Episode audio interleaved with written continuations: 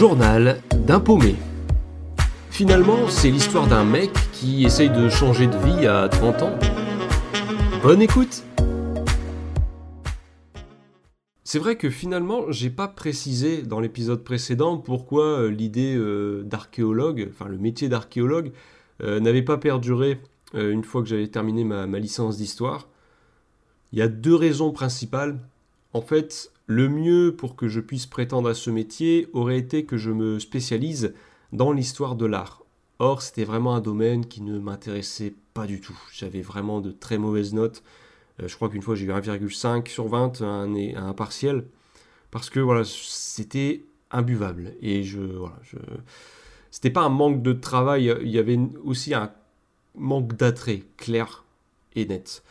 Et je pense que voilà, autant c'est important de s'investir dans le travail, mais s'il y a vraiment aucun intérêt pour la matière en question, pour le boulot en question, bah, je fais partie de ceux qui diraient, bon, faut pas insister, quoi. Et d'ailleurs, c'est ce que j'ai appliqué plus tard dans, dans ma vie professionnelle. Bref. Donc, au-delà de l'histoire de l'art, il y a aussi le fait que finalement, le métier d'archéologue se résume en grande partie à ce qu'on appelle de la fouille préventive. C'est-à-dire que, euh, admettons, des travaux vont être envisagés dans une zone, et euh, ça va bah, modifier un peu la, structure de cette zone, hein, puisqu'il va falloir euh, creuser, couler du béton, etc. Sauf qu'il peut arriver que, au vu de la, situation géographique de la zone en question, bah, on fasse appel à des archéologues pour fouiller le terrain, pour s'assurer qu'il n'y a pas de vestiges protégés par bah, le, patrimoine du pays. Et si c'est le cas, bah, pouvoir adapter les travaux qui étaient envisagés dans cette zone. Donc finalement, des fois, on fait des fouilles euh, sans qu'il n'y ait aucun résultat, etc. C'est pas, bon, je pense que j'enfonce une porte ouverte, mais bien sûr, c'est pas le, cliché de l'archéologue euh, explorateur euh, qui va découvrir des tombeaux, etc. Enfin, ne serait-ce que, je parlais de l'Égypte antique dans l'épisode précédent, et je, ne sais plus, mais le nombre de places limitées qu'il y a pour euh, avoir un poste en tant qu'archéologue euh, dans la branche euh, Égypte antique, c'est très très sélectif. Enfin bref, tout ça a fait que finalement, oui, le métier d'archéologue, bon, j'avais trouvé ça intéressant durant mon stage, mais je n'avais pas eu l'envie de poursuivre plus que ça en fait. Tout comme au final, au niveau de l'histoire, je n'ai pas voulu continuer en un master parce que déjà je sentais que les débouchés allaient être très limités. Et aussi parce que je me disais que bah, l'histoire c'était finalement plus un hobby qu'autre chose, que j'avais envie euh, d'étudier les choses qui me plaisaient en histoire, les périodes, et pas que euh, euh, des profs choisissent de me faire apprendre bah, l'histoire de, oui, de, des politiques, des partis politiques français, etc qui ne m'intéresse vraiment pas. Je, n'aime pas ça, voilà.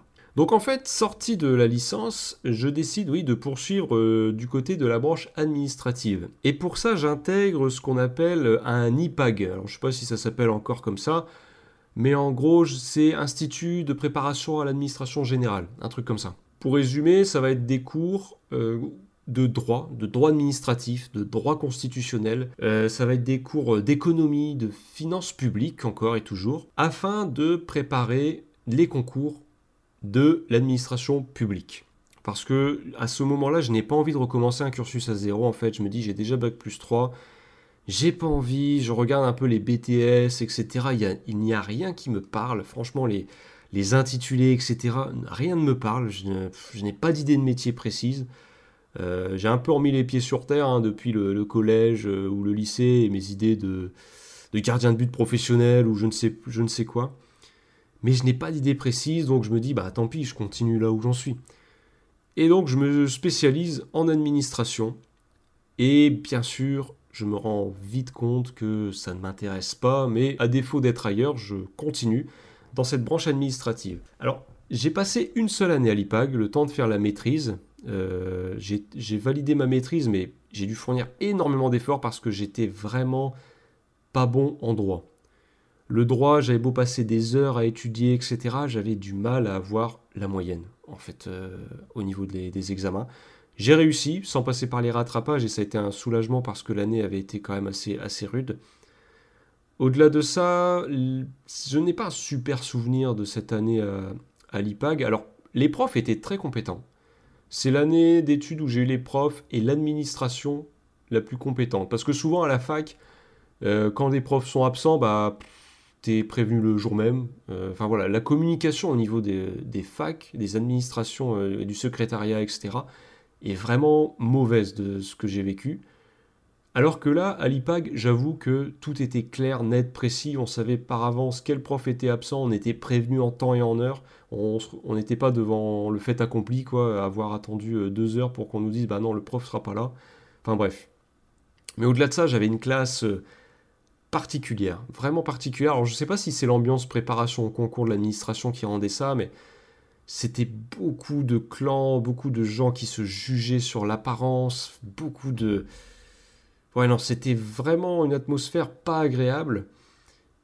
Et euh, les cours, bah oui, étaient très très ennuyeux pour moi en tout cas parce que bah oui, le droit constitutionnel, le droit administratif, qu'est-ce que c'était barbant pour moi en tout cas. Je sais que certains aiment beaucoup ça, mais et c'est ça qui est dommage, c'est que en fait, je m'ennuyais clairement et je restais là, mais je ne savais pas où où je pouvais aller sinon, en fait, tout simplement. Donc je continue, mais dans un certain fatalisme, hein, je me dis, bon bah c'est tout, de toute façon, euh, n'ayant pas d'autres possibilités, n'ayant pas d'autres idées surtout, bah, autant euh, rester là où j'en suis. Donc je passe cette année à l'IPAG, et là, je me souviens encore que je prenais le tram pour, euh, y aller, puis entre la station de tram et, et, la fac, il y avait 15 minutes à pied, je crois, 10-15. Et je réfléchissais beaucoup, je réfléchis beaucoup quand je marche. Et au bout d'un moment, durant cette année, je commence à me projeter un peu, à m'imaginer en tant que prof. Tiens donc. Prof, et bah tant qu'à faire, pourquoi pas prof d'histoire? Parce que je sais que j'ai un bon rapport avec euh, euh, les gens, je suis quelqu'un qui sait être à l'écoute, qui aime être pédagogue. Donc je me dis, tiens, prof, ça pourrait être sympa quand même. Et au final, bah, je décide, après avoir obtenu ma maîtrise, euh, de repartir en histoire. J'aurais pas pensé en quittant ma licence, mais oui je repars en histoire pour préparer le concours de professeur d'histoire. Histoire-géographie, bien sûr. Et alors, à l'époque, ça s'appelait comment ça?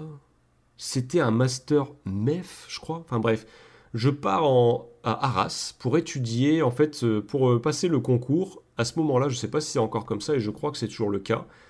Ils ont masterisé le concours, en fait. C'est-à-dire que le concours de prof, c'est pas comme euh, d'autres concours de l'administration c'est tu dois le passer un peu en même temps que ton master. Euh, pour vous dire, euh, la première année de master, souvent le but c'est tu prépares le concours, tu l'obtiens, tant qu'à faire, parce que la deuxième année de master, c'est là où tu es censé être titulaire du concours et euh, tu as bah, pas mal de. Tu une grosse période sur le, sur le terrain en fait. Hein. Tu as beaucoup de stages, etc. Je crois. Donc je, me retrouve dans cette nouvelle fac à nouveau pour préparer le concours de prof. Donc on nous annonce hein, le concours de prof, il faut le préparer 6,5 euh, jours euh, par semaine, hein, il faut vraiment plancher dessus. J'ai euh, différentes thématiques à, étudier. En fait, on nous donne différentes pistes, enfin, on va dire différents sujets qu'on va devoir approfondir. J'avais, alors je sais que c'est en géographie, c'était des sujets, il y avait l'Inde. J'ai plus les sujets précis, mais on avait aussi l'histoire arabo-musulmane de telle période à telle période. Voilà, on avait, on avait vraiment toute une sellette de sujets. On devait tous les préparer et on allait être interrogé ben, sur un seul d'entre eux pour le côté histoire et un seul d'entre eux côté euh, géographie. Épreuve écrite et après on avait euh, un oral. Et cette année, malheureusement, qui était censée m'aider à me préparer à être prof, et eh ben, c'est l'année où j'ai eu les pires professeurs. Je veux pas jeter la pierre, je veux pas euh, voilà, mais j'ai eu les professeurs les plus incompétents que je n'ai jamais eu de, de mon cursus euh, dans l'éducation euh, nationale, quoi, depuis que je suis au collège. Pour vous expliciter ça un peu plus, j'avais un prof. Sa spécialité en géographie, c'était lié, je crois, c'était les bocages. Donc voilà, les paysages, la verdure, tout ça. Et alors qu'on avait tout un programme en géographie à préparer, eh bien lui, tous ses cours étaient centrés sur sa spécialité, les bocages, les, paysages, etc. Tout le reste, on ne le voyait pas. Et au-delà de ça, ces cours n'avaient aucune structure. Alors c'est peut-être ma vision des choses, mais moi j'aime bien un cours, il y a euh, introduction, un grand 1, un petit, un petit A, un petit B. Mais là, il n'y avait aucune structure de cours. Tu ne pouvais pas structurer son cours. C'était je vous donne des informations, blablabla. Et en plus, donc très mauvais pédagogue, très mauvais orateur, je suis désolé mais il faut le dire. Alors je pense qu'en fait le souci dans ce genre de fac, c'est que les profs qu'on avait étaient très certainement des très bons chercheurs, parce que c'était des doctorants, etc., mais des très mauvais pédagogues. Et ce qui me fait dire que je n'étais pas seul à penser ça, bah, c'est que justement l'ensemble de la classe n'en pouvait plus. Pour vous dire la catastrophe, c'est que sur l'ensemble de la promotion, une seule personne a obtenu son CAPES. Parce que oui, spoiler alerte, je n'ai pas réussi à avoir le concours de prof. Mais avant de reparler vite fait du, concours, cette année-là, ça a été oui, où les, les, profs étaient les moins compétents pour nous préparer au concours de prof. Et d'ailleurs, même le concours en lui-même ne nous prépare en aucun cas à être prof. On nous demande d'apprendre un programme entier qui ne fait même pas partie du programme scolaire que l'on va enseigner en collège ou en lycée, mais voilà, on veut activer la mémoire tampon, c'est aller, on retient des dates, on retient des auteurs, on retient des événements. Le jour du concours, on les recrache, et après, on ne se sert plus de ces connaissances parce que bah, ça n'a rien à voir avec le programme scolaire. À aucun moment, on nous évalue sur notre capacité à être euh, pédagogue, à, tenir une classe. Parce que oui, on pourrait me dire si, il y a l'épreuve d'oral où on regarde, oui, à l'épreuve d'oral, on passe devant un jury, on n'est pas avec des élèves, on nous demandait à ce moment-là, oui, de préparer un sujet, et on explique après au prof comment on va euh, structurer le cours, comment on aborde la question, machin. Ce concours m'a tellement écœuré que je n'ai même pas retenté, euh, à la fin j'étais juste rincé, je ne voulais même pas retenter le concours de, prof, parce que je me suis dit, si c'est pour avoir des profs qui nous préparent comme ça, vraiment très mal, j'avais même, même le souvenir d'un prof, ça m'exaspérait. On avait une heure pour manger le midi, et ce prof-là, bien sûr, on l'avait de 11h à, euh, de 11h à midi, donc juste avant de manger.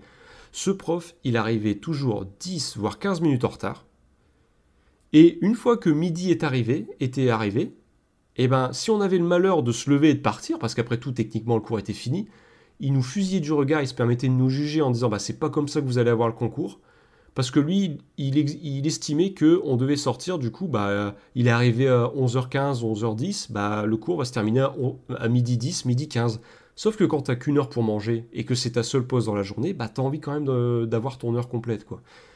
Et je me souviens d'ailleurs que c'est à, ce moment-là, ce prof-là s'était permis de nous dire euh, oui, bah, de toute façon, vous n'aurez jamais le concours. Je sais plus ce qu'il nous a dit.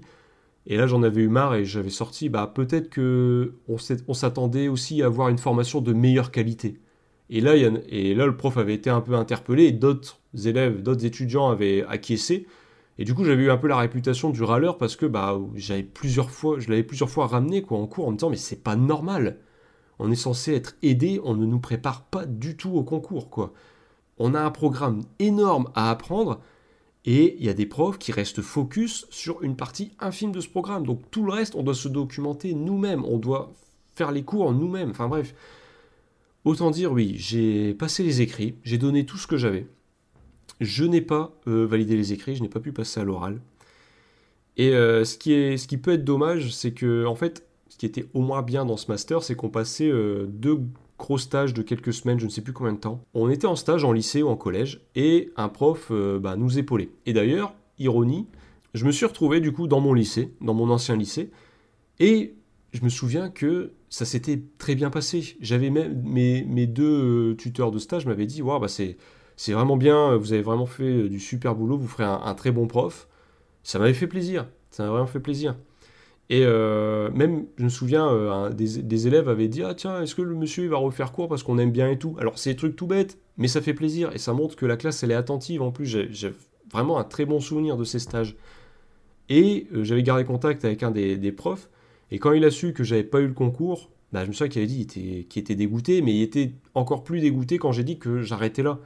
Et il m'avait dit non, euh, allez, il faut poursuivre parce que je suis sûr que vous allez faire un super prof, quoi. Ce serait vraiment dommage. Mais cette année-là a réussi à m'écœurer. Du coup, bah, je n'ai pas poursuivi vers euh, le professorat.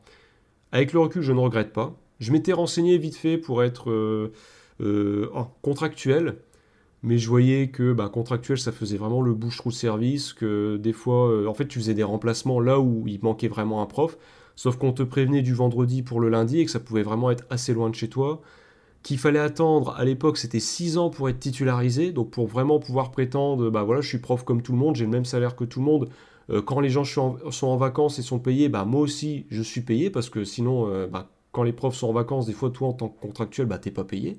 Parce qu'ils s'arrangent pour que ton contrat se termine avant le début des vacances. Et que, voilà, oui, il fallait attendre 6 ans pour être titularisé. Et que, en plus, souvent, bah, dès que t'approchais les 6 ans, ils s'arrangeaient pour te basculer en mi-temps, pour reculer l'échéance. Donc j'ai dit, non, non, c'est bon, j'en ai marre. J'arrête tout ça. Et je cherche autre chose. Et dans l'épisode suivant, eh bien, je vais vous raconter comment je m'en suis sorti. si on peut dire ça comme ça. Journal d'un paumé, raconté par le paumé en question.